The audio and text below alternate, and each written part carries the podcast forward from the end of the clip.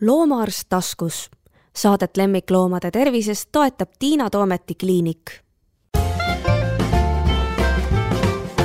tere, kuulate podcasti Loomaarst taskus, mina olen Tiina Toomet ja minu vastas istub Maarja Tali ma hakkan kohe nüüd Maarjat piinama sellega, et, et kuidas ta ikkagi selle koeranduse juurde jõudis, aga nüüd kõigepealt tahaks veel soovida head nii-öelda lahkunud sõbrapäeva inimestele ja mõelda ikka selle peale, et koer on inimese kõige suurem sõber ja kas me oskame teda vääriliselt hinnata. et see on nüüd üks põhjus, Marja, miks ma tahtsin sind siia väga saada ja sa oled olnud minu meelest ka viimasel ajal väga palju koerte eestkõneleja, aga mitte ainult tere, aitäh kutsumast! Ehm, kui ma peaksin võimalikult lühidalt põhjendama, mi-, miks ma julgen suud avada ja koerateemadel sõna võtta, siis minu teekond on äh, umbes selline kaheksa aastat selles nii-öelda koeramaailmas ja alguse sai see täiesti juhuslikult, ehk et äh, äh mul oli koer, keda kahjuks nüüd peaaegu aasta ei ole, aga kes osutus niivõrd sotsiaalseks ja toredaks, et mulle tekkis mõte, et äkki ma saan äh, panustada teiste aitamisse. ja kui ma sain teada, et see valdkond on äh, väga-väga ähm, alguses Eestis, siis ma ähm, esialgu naiivselt äh, mõtlesin, et ma, ma pakun oma mm, organisaatori oskusi ja aitan organisatsiooni, mis siis on Eesti Abi- ja Teraapiakoerte Ühing, natuke jalule saada. ja nüüd on sellest kaheksa aastat möödas, ehk et äh, väga kiiresti oli selge, et äh, sellises organisatsioonis ei tähenda töö ainult äh, nii-öelda teraapiakoerte eksamineerimine, eksamineerimist, vaid et see on väga lai ja otsapidi äh, me peame ähm, nii-öelda kas, kas teadlikult mõjutama või igal juhul kaasa rääkima üldse loomapidamise kultuurist, sest vastasel juhul me ei saa ka teraapiakoertest rääkida. ja selle läbi sain ma aru sellest, et mul on vaja ise haridust omandada, nii et kaheksa aastat äh, olen võtnud äh, tuhandete ja tuhandete eurode eest äh, erinevaid kursusi ja läksin ka uuesti ülikooli. Ja äh, läbi pisarate ja raske töö äh, olen nüüdseks lõpetanud Tallinna Ülikooli integreeritud loodusteadused ja kuigi esialgu oli täitsa plaan minna mm, Eestist välja, õppima koerte käitumist, sest kahjuks seda Eestis veel ei õpetata, ja, ja, ja nüüd siis saan öelda, et, et ma õpin küll veel magistris heaolu erialal, aga muuhulgas olen kolm aastat äh, andnud Tallinna Ülikoolis äh, õppeainet nimega Sissejuhatus loomi kaasavatesse sekkumistesse, mis on osutunud äh, avatud ülikooli kaudu kõige populaarsemaks aineks, ehk et väga paljud noored inimesed tahavad täna õppida ja olla seotud loomadega. Ja, ja nüüd siis äh, olen jõudnud nii kaugele, et äh, umbes kuu aega tagasi alustasime Tallinna Ülikoolis mikrokraadiga inimese-looma interaktsioonid ja järgmisel aastal tuleb sellele järg, loomi kaasavad sekkumised, ehk et ähm, oleme jõudnud sinna, et inimesed, kes kaasavad loomi, saavad õppida, kuidas see oleks eetiline ja äh, ja nii-öelda õige. ja võib-olla veel sellised huvitavad faktid, et äh, läinud aastal oli ähm, Eesti Ajaloomuuseumis äh, suur näitus. käisin vaatamas, väga tore. ja, ja, ja minu panus oli see loodusteaduslik pool mm. -hmm ja, ja seal me tegime ka mm, veterinaaridega koostööd, aga see oli hästi põnev projekt. ja teine, mille üle ma olen hästi rõõmus, Äh, on National Geographicu erinumber koertest, et see, et selline äh, teaduspõhine, aga lihtsas keeles väljaanne ilmus, äh, mul on selle üle hea meel, et ma sain ka näppupidi olla sellega seotud, nii et et väga lühidalt, see on minu teekond ja nüüd tõesti viimastel aastatel ähm, võib-olla sellised kas kriitilised väljaütlemised või, või miks ma julgen sõna võtta, on, et ma olen ise jõudnud nii kaugele, et mul on ähm, mingisugused ootused, äh, kuhu suunas meie ühiskond võiks liikuda või, või millised need sammud on. ehk et see ei ole lihtsalt selline emotsionaalne, et meil on kõik halvasti, vaid need on nagu mm, ma näen seda, kuhu me võiksime ja peaksime liikuma ja sellepärast äh, olen ma ka sõna võtnud. mul tekkis kohe hulk küsimusi mm, -hmm. ma üritan neid oma peas järjestada, et ma kindlasti tahaks rääkida nendest õppeprogrammidest, aga, aga lähme korraks põikega ajalukku, et ma leidsin ühe vana artikli, eh, kus aastal kaks tuhat kolmteist on juba räägitud nendest, eh, ma ei teagi, kuidas see eesti keeles on, see loomade poolt assisteeritav tea-, teraapia või kuidas loomi kaasav. aa, loomi kaasav. kaasav teraapia. jah mm -hmm., sest no mina mäletan, et mina kuulsin sellest, ma arvan, kuskil kaks tuhat ka kuskil seitse-kaheksa, meil oli Euroopa Väikeloomaarstide Ühingus oli üks hästi aktiivne Kreeka proua, kes tõi selle nii-öelda lauale, selle teema ja noh, see oli nii uus, see oli selline, et kas tõesti ja kas kusagil lastakse koera haiglasse või, või mingid sellised, see tundus nagu täielik kosmos aga noh, näed, ikkagi jõudis meile ja, ja nüüd, kui ma vaatasin hiljuti mingit telesaadet, kus kas Tartu EMO-s vist käisid need nii-öelda stressimaandajad koerad, siis mõtled, et oh, vau, et me oleme ikka jõudnud nagu õigesse punkti seal ikka mõnede asjadega, nii et et, et tegelikult asjad lähevad ju paremaks, on ju? jaa, jaa mm, -hmm. ikka mm -hmm. lähevad ja see et ollakse kriitiline, tähendabki seda, et on mõtet öelda kriitilisi mõtteid välja, sest kui kui kümme aastat tagasi oleks selliste oleks välja toonud, et meil võiks olla see kultuur parem, siis võib-olla oleks üldse välja naerdud, et mm, -hmm. et ikkagi see käib koos juba selle, selle arenguga. jaa, noh, teine, mida, mida ma sealt kaevamas käisin oma vanadest paberitest, oli, oli ma, mul oli meeles, et, et kolmkümmend viis aastat tagasi, jah, see oli maikuus tuhat üheksasada kaheksakümmend kaheksa, nii-öelda taaselustati Eesti Loomakaitse Selts ja mina käisin sellel, siis nagu sellel koosolekul, kus teda siis taaselustati ja see oli tohutu optimismipuhang inimestest, kes igaüks oma nurgas olid nagu südant valutanud loomade pärast.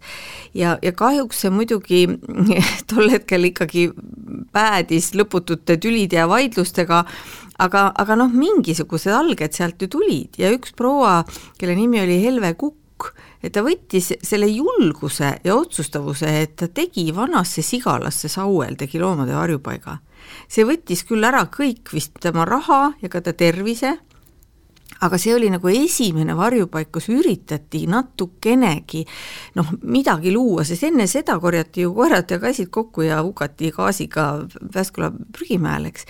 ja, ja nüüd, kui me vaatame, siis aa, ja miks ma tahtsin seda öelda, et siis olid ikkagi nagu noh, mina olin noor inimene, aga üldiselt olid ikkagi kas mõni hull noor või tädikesed, noh, see oli kõik selline laulva revolutsiooni ajal ka nii marginaalne, nii mõttetu teema, et, et keegi ei võtnud meid ka väga tõsiselt ja siis läks aastaid-aastaid mööda ja mul enam ei ole nüüd meeles, see võis olla kümmekond aastat tagasi, kui kui loomakaitsjad korraldasid, tol ajal oli see veel Nokia kontserdisaal, üks hästi suure heategevuskontserti loomade heaks ja siis ma mõtlesin, et issand, kui kahju, et paljud nendest tädikestest enam ei näe seda. et kes kõik elavad kaasa, kes kõik võtavad sõna, kes kõik on nõus panustama ja praegu mulle natuke tundub, et on jälle vist selline hetk, et sest me noh, üks ühes nurgas ja teine teises nurgas nuriseb ja näeb nagu kitsaskohti ja hädasid. aga võib-olla oleks vaja nagu mingit sellist ajurünnakut, et, et teeme nüüd veel midagi loomade heaks või kuidas sulle tundub? Minule tundub, et, et praegu on hästi suured käärid äh, väärtuste pinnalt ja teadmiste pinnalt mm. -hmm. et, äh, et see aeg, mida sa kirjeldasid ähm,, ei olekski muud moodi saanud, kui et suure südamega inimesed teevad midagi. aga, aga kahjuks on seda õhinapõhist ka täna väga palju mm, -hmm. milles on erinevus, on see, et viimased kakskümmend aastat loomade äh, nagu teadusuuringud, neid on nii palju ja need on nii põhjalikud, et ütleme, need inimesed, kes pidevalt loevad ja on kursis ähm,, nendel on ka juba täiesti teine arusaam sellest, et mida selle päästetud loomaga võiks ja peaks tegema, et võib-olla see, see põrsas ei taha ähm, ka padja peal elada, mida, mida me täna nagu väga palju näeme, ehk et, et mulle tundub, et puudu on ähm, see ekspertiis, et on päriselt inimene, kellel on faktiteadmised sellest liigist ja kes oskab öelda, et kas see loom, kas selle looma peaks ära võtma äh, ja, ja, ja kuidas teda siis toetada et, et minu arust meil on olnud see lünk just nimelt hariduses, et näiteks veterinaaria on lükatud ka kogu aeg ette, et, et et öelge teie, aga tegelikult see mm, nii-öelda füüsiline tervis on üks osa sellest, aga see käitumine, emotsioonid, õpetamine, et selles on väga suured puudujäägid või tõesti, meil on käitumisnõustajaid, kellel tegelikult puuduvad mm -hmm. igasugused teadmised ja, ja ka ja ei ole ka eetika vahel just mm, -hmm. ja ka ei ole meil populaarne äh, panna kirja, et milline on minu taust, milliseid -hmm. raamatuid ma olen lugenud või milline minu haridus on, et natukene ähm, ongi nõnda, et selles loomavaldkonnas ähm, on siiamaani olnud nii, et äh, eksperdid on need, kes, kes äh, teevad kõvemat häält mm. -hmm. ja nüüd me võiksime jõuda selleni, et kuna meil on seda, seda teaduskirjandust, et me jõuamegi selleni, et on oluline koht nendel suure südamega inimestel, kes tõesti mm -hmm. soovivad aidata, aga et seal teisel pool on ka inimesed, kelle kelle ametikirjelduses on, et nad, äh, nende töökohustus on aidata ja nad teavad päriselt, kuidas aidata.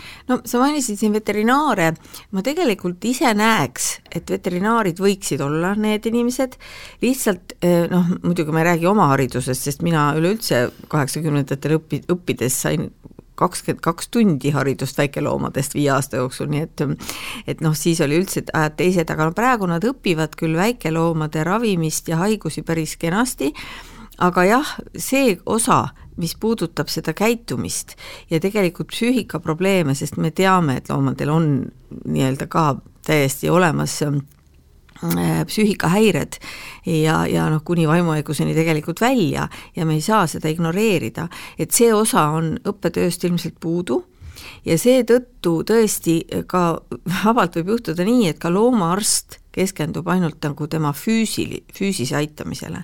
aga ma olen sinuga selle koha pealt nõus, et tema psüühiline mure võib osutuda täiesti sama suureks või suuremakski, et noh, me näeme seda murdud luud, et oi, vaesekene, et ta lonkab ja teda on vaja aidata, aga seda, et tal on paanikahood mm, -hmm seda A esiteks ei märgata ja B arvatakse lihtsustatult, et kui ma annan talle hästi palju viinerit ja paitan, et siis see läheb üle, aga see tegelikult mm. ei lähe.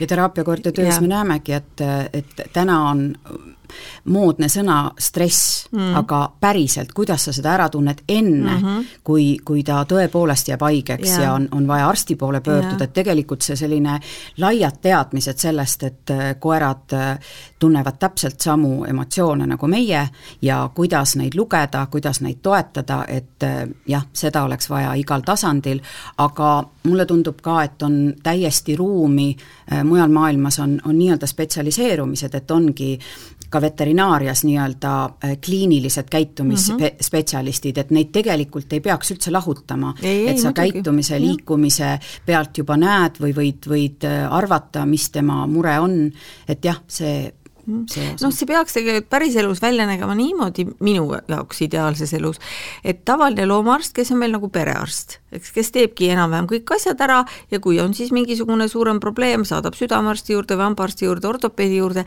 et tema oskab ka vaadata selle koera käitumise nagu eripärasid ja siis noh, ta ei peagi ise oskama neid lahendada, aga et oleks ka inimene, kelle juurde saata, aga muidugi praegu meil Eestis neid noh, praktiliselt ei ole, peale Anu Poopuu mul veterinaariaharidusega ei tule kedagi pähe ja noh, Tiia Ariko, kes on käitumisspetsialist, aga mitte, mitte loomaarst. et noh, meil on neid tegelikult väga vähe, et see on küll õige, aga noh, äkki tuleb juurde. ja, ja, ja kui ma kunagi rääkisin siis Kersti Sekseliga, kes on ju väga tuntud, ta on eestlane, aga tegutseb Austraalias, loomade psühholoog ja küsisin, et miks sa üldse hakkasid tegelema sellega, et ta oli ju tavaline loomaarst, ta ütles, et tead, et et ma õppisin loomaarstiks ja meie mõte on loomi aidata ja mul hakkas üha enam toodama loomi, keda pandi magama, sellepärast et omanik ei osanud teda aidata ja omaarstid ka ei osanud, ta oli füüsiliselt terve, aga ta oli mentaalselt haige. ja Kerstil oli see, see ajendiks, miks ta on ennast koolitanud noh, siis loomade käitumise alal nii kõrgele. nii et see on meil ilmselt kõik ees ja tulekul, ma näen seda noh, nagu rõõmsalt, aga see muidugi ei aita neid loomi, kes praegu on hädas, samas ma arvan, et me oleme sinuga ühel meelel, seda on öelnud ka meie loomaarstist president, sest et härra Karis on ju hariduselt loomaarst, et meid päästab ainult haridus. ja selles mõttes on see nii tore, ma tahtsingi just nende sinu koolituste juurde jõuda, et mida sa teed, et, et kellele nad siis otseselt on mõeldud ja missuguse teadmiste pagasi ja kus ja kuidas seda saab kasutada, kui inimesed nüüd neid koolitusi läbivad mm? -hmm. Meie selline eesmärk oli, et tõesti neid äh, spetsialiste, õpetajad, psühholoogid, äh, terapeudid, aga ka nii-öelda loomajuhid, kas need on siis äh, ratsatalli omanikud või, või, või koerajuhid, kes soovivad just nimelt inimese, mm, inimesega töösse loomi kaasata, et anda need teadmised, aga ka praktilised oskused mida sa, mida peab enne teadma ja kuidas see käib. aga kuna huvi oli nii tohutult suur mm, -hmm. siis me tegime selle kaheaastase õppe kaheks jupiks, nii et see esimene nii-öelda moodul, inimese-looma interaktsioonid, äh, sellele võetakse vastu kõiki huvilisi mm -hmm. ja mhm. meil on sellel esimesel kursusel väga huvitav äh, segu äh, väga erineva taustaga inimese, inimestest, kellest ühed tõesti soovivad spetsialiseeruda, aga teised sõnastasid oma huvi, et nad äh, on loomi aidanud või neil on loomad ja nad tahavad nüüd seda teaduspõhiseid faktiteadmisi. et, et seda oli, oli huvitav näha, aga, aga nagu laiemalt, miks, et jätkuks sellele veterinaaride jutule, et et ei piisa ainult sellest, kui on tõesti hea ekspert, kui see inimene kes tegelikult äh, selle looma eest vastutab, ei oma isegi baasteadmisi, et tegelikult see haridus peaks algama mm -hmm. sealt põhikoolist neljas-viies klass mm -hmm. ja seda ma näen ka just nimelt sellepärast, et ma olen kaheksa aastat oma koeraga koolides, lasteaedades käinud ja tegelikult see, mida, millised arusaamad on õpetajatel või, või, või lapsevanematel, et siis tegelikult hästi kiiresti ma sain aru, et fokusseerida tuleb nendel, nendele lastele, et kui nemad kasvavad üles, siis nemad mm, -hmm. nendel on teised äh, suhtumised, eelarvamused või siis nad on nende vabad ja just nimelt teadmised, et ähm, jah. Ja,, sest kui see inimene jälle ei oma neid teadmisi üldse, ja ta ei märka, siis ta ei jõuagi sinna loomaarsti juurde, eks mm -hmm. ole, see on tegelikult samamoodi, nagu ma olen väga mures nende loomade pärast, kellel on valu, no selline krooniline valu, liigesevalu, et inimesed ei märka ta on harjunud, et see koer hakkab vaikselt natuke rohkem lonkama ja, ja, ja nad ei pruugi minna arsti juurde ja sama on võib-olla käitumishäiretega, et paha koer hakkasid halvasti mm. käituma ja tegelikult seal on nii palju põhjuseid taga, miks ta niimoodi teeb, et ja, ja veel lihtsamad asjad, et see, et me ei tea isegi elementaarseid asju, seda, et koeral on vaja nuusutada mm et tema elab äh, mitte sõnade maailmas mm, -hmm. et sealt tegelikult juba algab, et kui sellised baasvajadused mm -hmm. ei ole täidetud ja, ja kuni see ei ole elementaarne, siis, siis saabki öelda, et meil on tegelikult arenguruumi jaa, aga siis edasi on see, mis sa ütlesid, mikromagister või kuidas see mikrokraad. aa, mikrokraad, nii, ja see on siis sealt nagu järgmine etapp sellest või see on hoopis eraldiseisev? Need on nagu kaks mikrokraadi, nii et äh, need inimesed, kes soovivadki spetsialiseeruda mm, -hmm. nemad peaksid läbima siis ka kaks etappi, mis -hmm. mõlemad kestavad äh, aasta. ja, ja praegu see esimene lend äh, õpib ja, ja meie sellega koos mm -hmm. ja mhm. loodan, et see on jätkusuutlik ja mis mulle veel on väga sümpaatne, et minu arust ähm, nii loomade kui inimeste ähm, õpetamisel on väga pikka aega läinud erinevad ülikoolid pigem ähm, kaugemale üksteisest, et on väga kitsa valdkonna spetsialistid ja mina näen väga suurt kasu sellest, et ühel kursusel õpivad loomateemat väga erineva valdkonna inimesed. et see selline olulised baasteadmised, et äh, ma hüppan nüüd tagasi selle, selle meie teraapiakoerte organisatsiooni alguse juurde, et meil oli piisavalt nuppu alustada terminoloogiast. ja täna ma näen koeramaailmas väga suurt segadust, et me isegi nendest äh, õpetamismeetoditest räägime pool inglise keeles, sest sellega ei ole tegeletud, et tegelikult mm -hmm. need sõnad on juba, juba olulised, et mm nii et, ähm, et teil siis nüüd nii-öelda esimene lend peaks lõpetama ja, ja palju teil on inimesi seal kursusel? Äh, kaheksateist mm. -hmm et väga põnev ja osad mm. siis õpivad lihtsalt nagu huvi pärast ja osadel on see tööga seotud, jah? jah, et mhm. need, kes siis äh, järgmisel aastal mm -hmm. selles teises moodulis saavad liituda, nendel peaks siis olema enne väljaõpe, kas siis õpetaja, koertetreener, psühholoog või terapeut mm, -hmm. et siis nii-öelda spetsialiseeruda. kas, ähm, kas te võtsite eeskuju kusagilt või on see täitsa nüüd nagu mingi välja töötatud asi siit teie poolt või oled sa seda maailmas kusagil kohanud, näinud seda samalaadset õpet? jaa, äh, meie organisatsioon on maailma katuseorganisatsiooni äh, liige mm -hmm., AIA-HAIO lühidalt mm, -hmm. on päris pikk nimetus, aga, aga alates juba sellistest põhireeglitest näiteks, kui, milline on looma tööaeg ja kui tihti tema tervist tuleb kontrollida ja nii edasi, et me ei ole seda ise leiutanud. ja samamoodi tegelikult need hariduslikud programmid, Maailma Katuseorganisatsioon ongi arendanud nagu sellise ähm, nende nägemuse või et kuidas maailmas, kui palju tunde või milline see haridus võiks olla. Ähm, mõnede ainete suhtes me oleme lisanud sinna äh, mõned sellised hästi üldised ained, nagu näiteks antrosoloogia, et just nimelt, kui seda, seda baasi ei ole, et siis natukene teemasse sisse elada. ja esimesel kursusel on lausa eraldi kassiloeng, koeraloeng ja hobuseloeng, sest selle, selle järgi on lihtsalt nii suur vajadus mm. -hmm. aga need põhimõtted või, või kokku äh, nii tundide mõttes kui, kui ainete ja sisu mõttes me väga järgime seda, et mida Äh, et see haridus vastaks nii-öelda, oleks ka rahvusvaheliselt arvestatav ja sisult äh, väga sarnane sellele, mida näiteks äh, Norras või Hollandis õpetatakse. muidugi on riike, kellega on väga erinevad need, need programmid kuidagi tundub, et ajaloos käivad asjad lainetena, et jälle, kui ma tuhnisin nendes vanades paberites ja siis ma leidsin ühe artikli kus ähm, kümme aastat taguse artikli, kus on kirjutatud ühest koerarünnakust, noh võib-olla mõni mäletab, et Laulasmaal üks suur koer ründas ühte liiva, liivas mängivat last. Ja nüüd siis kümne aasta pärast umbes on, on jälle olnud see teema üleval, ma tean, et sina, sinagi võtsid sõna, sinu käest küsiti kommentaare ja ja noh, vahetevahel kostavad nagu väga pessimistlikud noodid, et, et kõik lähebki halvemuse poole, mina olen jälle paadunud optimist, mina arvan, et asjad lähevad paremaks tegelikult. Mm, aga mis me saame, noh, me rääkisime juba, et inimesed tuleb harida, see on nagu selge, et see on, see on nagu esmane, aga mis me veel saame teha, sest et jälle kõlab ka selliseid hääli, et, et reeglid on liiga eh, leebed ja see on nii mõlemalt poolt, eks ole, need, kes siis nüüd kardavad koeri ja koerte rünnakuid, need tahaksid, et kõik viimane kui pitsu käiks suukorviga, mida nad unustavad ära, et ükski seadus ei sätesta tegelikult suukorvi kandmist Eh, noh, ainult siis, kui inimene ise tunneb, et ta loom on agressiivne, aga, aga me ei saa nõuda nagu, et, et tänaval peaks loom suukorviga olema.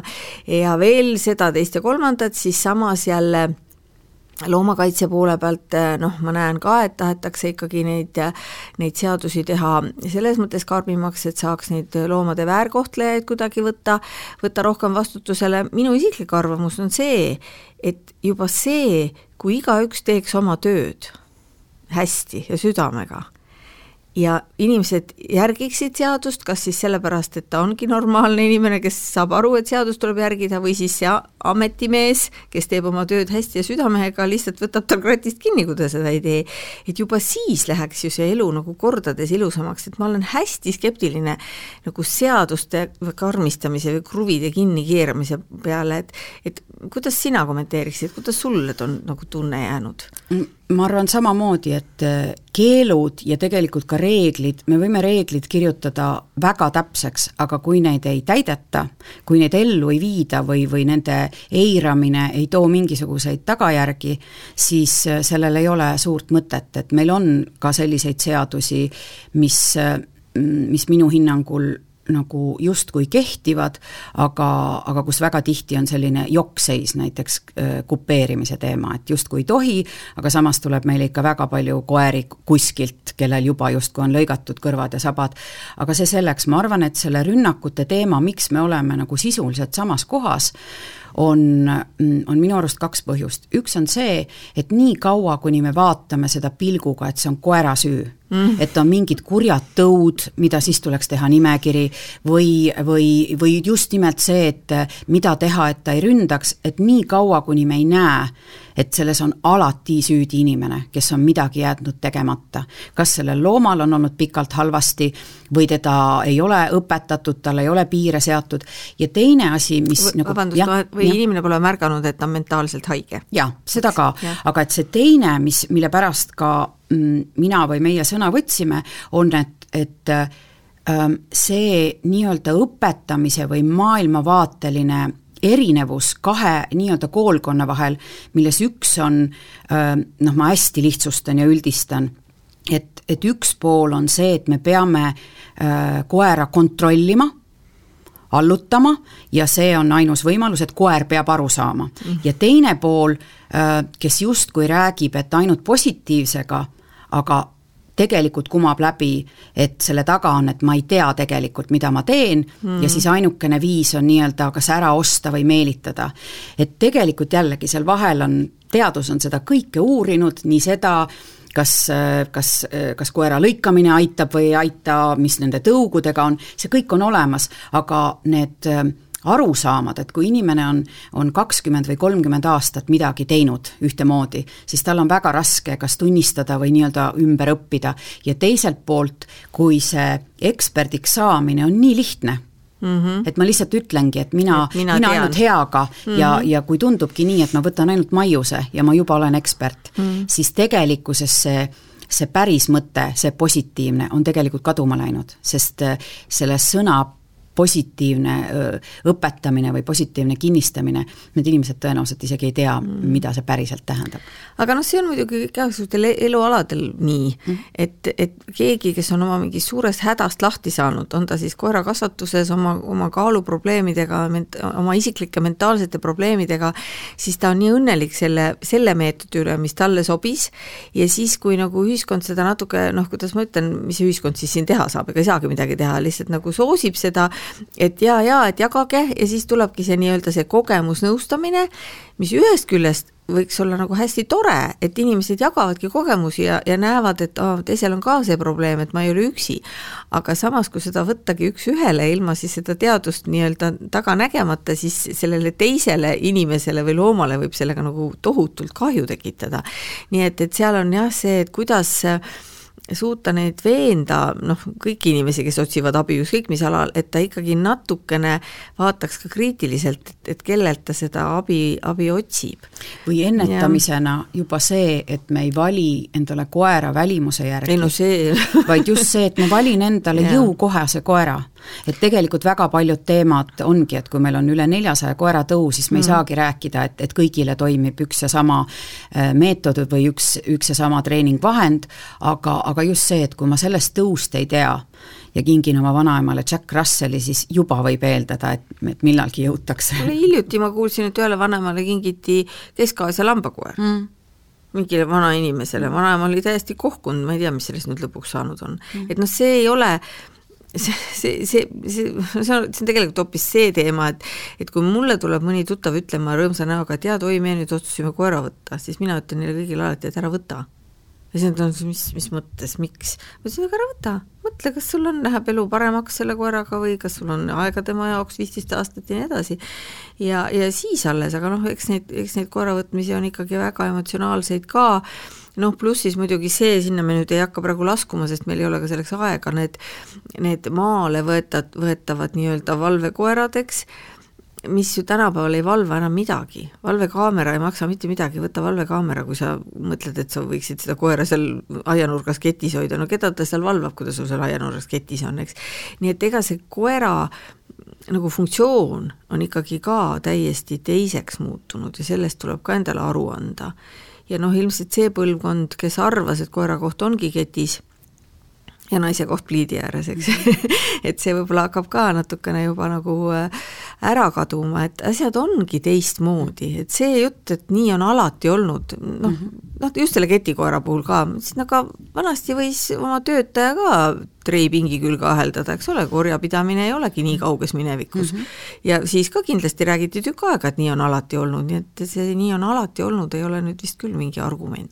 ja selle lainetuse teine pool on see, et, et miks tuleb olla tähelepanelik, et, et ühel pool on need ketikoerad ja teisel pool on koerad, kes elavad roosas kleidis ja koti mm, sees mm. -hmm. et tegelikult neid aru sa-, et see on jällegi inimese yeah, peas, et yeah. kes on see loom minu jaoks yeah, yeah. ja kas ma pakun talle elu, mis temale sobib Just. või see loom peab sobituma minuga. ja, ja. ja nii kaua, kuni need loomad peavad äh, nii-öelda ise proovima ellu jääda ja hakkama saada, nii kaua noh, meil ei ole probleemidele nagu häid lahendusi ja, ja siis ongi need läbipõlenud äh, spetsialistid, keda on väga vähe ja kes tegelikult näevad nii palju seda mm, traagilisust yeah., et siis yeah, see see põletab, nii et minu respekt äh, kõikide veterinaaride ja, ja käitumisnõustajate yeah. suunas, sest see on väga raske. noh, ja veterinaarideni nad jõuavad ka siis lõpuks, kui ta ei ole käitumisnõustajal õigel ajal sabast kinni saanud, et see lõpuks kajastub selle looma tervises ja siis see, peame meie tema tervisehädasid ravima mm. aga jah, meil ei ole nüüd väga palju aega, me võiksime veel rääkida pikalt sellest looma inimesestamisest, aga see on ka minu meelest väga ohtlik ja noh, kui me siin praegu just mainisime ketikoera, siis mõnikord mulle tundub, ehkki ma saan aru, et ma nüüd räägin väga ebapopulaarset juttu, aga et võib-olla see mingi vana aja ketikoer, kelle eest hoolitseti ja kellega ka võib-olla jalutati ja kellel oli mingisugune meelelahutus elus olemas ja kellele anti korrapäraselt süüa ja eeldame, et kuut oli viisakas, elas ähm, nagu sellist koera jaoks lihtsamat elu kui see, kes on pandud nagu pereliikme seisusesse, mitte ma ei ütle, et koer ei tohiks olla pere, aga nagu, nagu sellele tasemele, et ta peabki nagu ise otsustama ja ta peab olema nagu, ta peab olema nagu inimene mm. -hmm. aga koer ei taha olla inimene, koer mm -hmm. tahab ju olla koer, eks. ja siis võib-olla vahel võib tõesti juhtuda nii, et see kaalukauss langeb selle koera kasuks, kes elabki seal nii-öelda seda oma koeraelu seal õues, kui see, kes on liiga paljude inimeste murede keskel ja ei saa sellega hakkama, sa oled nõus puhata. sellega? ma olen absoluutselt nõus ja. ja tegelikult see, kui me kasutame väljendit ketikoer, siis ega see, et me paneme koera kinni mm., kas tema turvalisuse või kellegi teise mm. turval-, see ei ole midagi halba, pigem mm. see nii-öelda, mida me mõistame selle ketikoera all, on see, et, et, et väga sotsiaalse liigi esindaja võib-olla mm. ei saa piisavalt suhelda ja teine, et ta ei saa piisavalt liikuda. aga, aga noh, ongi kummaline, et minul oli kelgukoer, koer ja neid inimesi, kes, kes teatasid, et ma piinan oma koera, kui ta talvel miinus kahekümnega väljast tatsas või lume sees oli, et see on jällegi mm. mm lihtsalt teadmatus ja,. jah, jah. ja noh, ja kui me tõesti jälle keskendume sellele, et noh, et, et see kett on nagu süüdi mm., siis see on nii lihtsustatud, sellepärast et, et kas siis on seal kõrval on võib-olla puuris koer mm., keda ka ei võeta välja ja ei viida jalutama, ja seda konkreetset ketikoera võib-olla isegi viiakse, et siis me ei saa, et see on ikkagi nagu see, see nagu kompleks, kuidas teda peetakse ja, ja siis, siis tuleb vaadata, et kas see on loomuomane, sest noh, mul, mind jääb nagu see natukene nagu muigama, kui öeldakse, et oi, et et väga tihti, et ei, ei saa midagi teha nendele, kes neid loomi halvasti peavad, et meil seadusandlus ei luba ja minu meelest on loomakaitseseaduse esimene lause see, et, et pea, et peab pidama teda tema loomuomastes mm -hmm. tingimustes. ja kui sa oled siis nüüd see inimene, kes on saadetud seda asja kontrollima, siis see on ikkagi sinu peas ja mõistuses kinni, et kas need on loomuomased tingimused või ei ole, mm. eks. aga selleks sa pead teadma, et palju see teadma, loom ja, ja. Äh, magada tahab või, või mida sellise tõuesindaja tõenäoliselt, kui mm. palju ta liikumist vajab, nii et no, jah, jällegi jõuame teadmist. väljaheidete sees magada, see on just. ju täitsa selge, et ei taha, seal ei mm. ole nagu vaja väga, väga palju haridust selle jaoks ei ole vaja omandada, eks. ja mina väga tähtsustaksin mm. just seda, et, et isegi need koerad, kes võib-olla tahaksid olla õues ja kes on väga ka iseseisvad ja, ja töökoerad, siis nad on väga sotsiaalsed mm, -hmm. nii et sellist koera, kes inimest ei, ei vajaks või seda kontakti ei vajaks, äh, väga paljud koerad täna eelistavad kontakti inimesega teisele koerale. et, et jaa, seda muidugi. me ei tohi, me ei tohi seda jätta kahe ja. silma vahele ja see ja. on võib-olla olulisem kui see, et et äh, kui kaua ta füüsiliselt nagu kinni on või, või ja. mitte mm.. see on jah õige jah, sest et noh, mul on ka nüüd selline koer, kes võiks tegelikult vabalt õues olla, ta on saksa lambakoer, aga ta ta ei taha olla üksi õues. ma ei näe üldse mingit vajadust, miks ta peaks olema üksinda õues. ta istub ukse taha ja ma lasen ta sisse ja, ja kui me oleme ise õues, siis ta on hästi rõõmsalt meiega koos. nii et, et, et jah, see, et, et, et aa, mul on suur aed, ma võtan koera, tal on seal lõbus, no nii et selle me vist lükkame sinuga kusjuures mõlemad kohe ümber, eks Maarja, see pool tundi on läinud täiesti märkamatult ja, ja mul on kindlasti hakkavad pärast keerlema igasugused mõtted peas, mida ma oleks tahtnud su käest veel küsida aga mul on hea meel, et meil on see algusots lahti tehtud, ma kindlasti loodan, et ma näen siin sind minu selles taskuhäälingus veel, aga, aga tänaseks väga-väga suur aitäh sulle! aitäh kutsumast mm! -hmm. loomaarst taskus. Saadet lemmikloomade tervisest toetab Tiina Toometi kliinik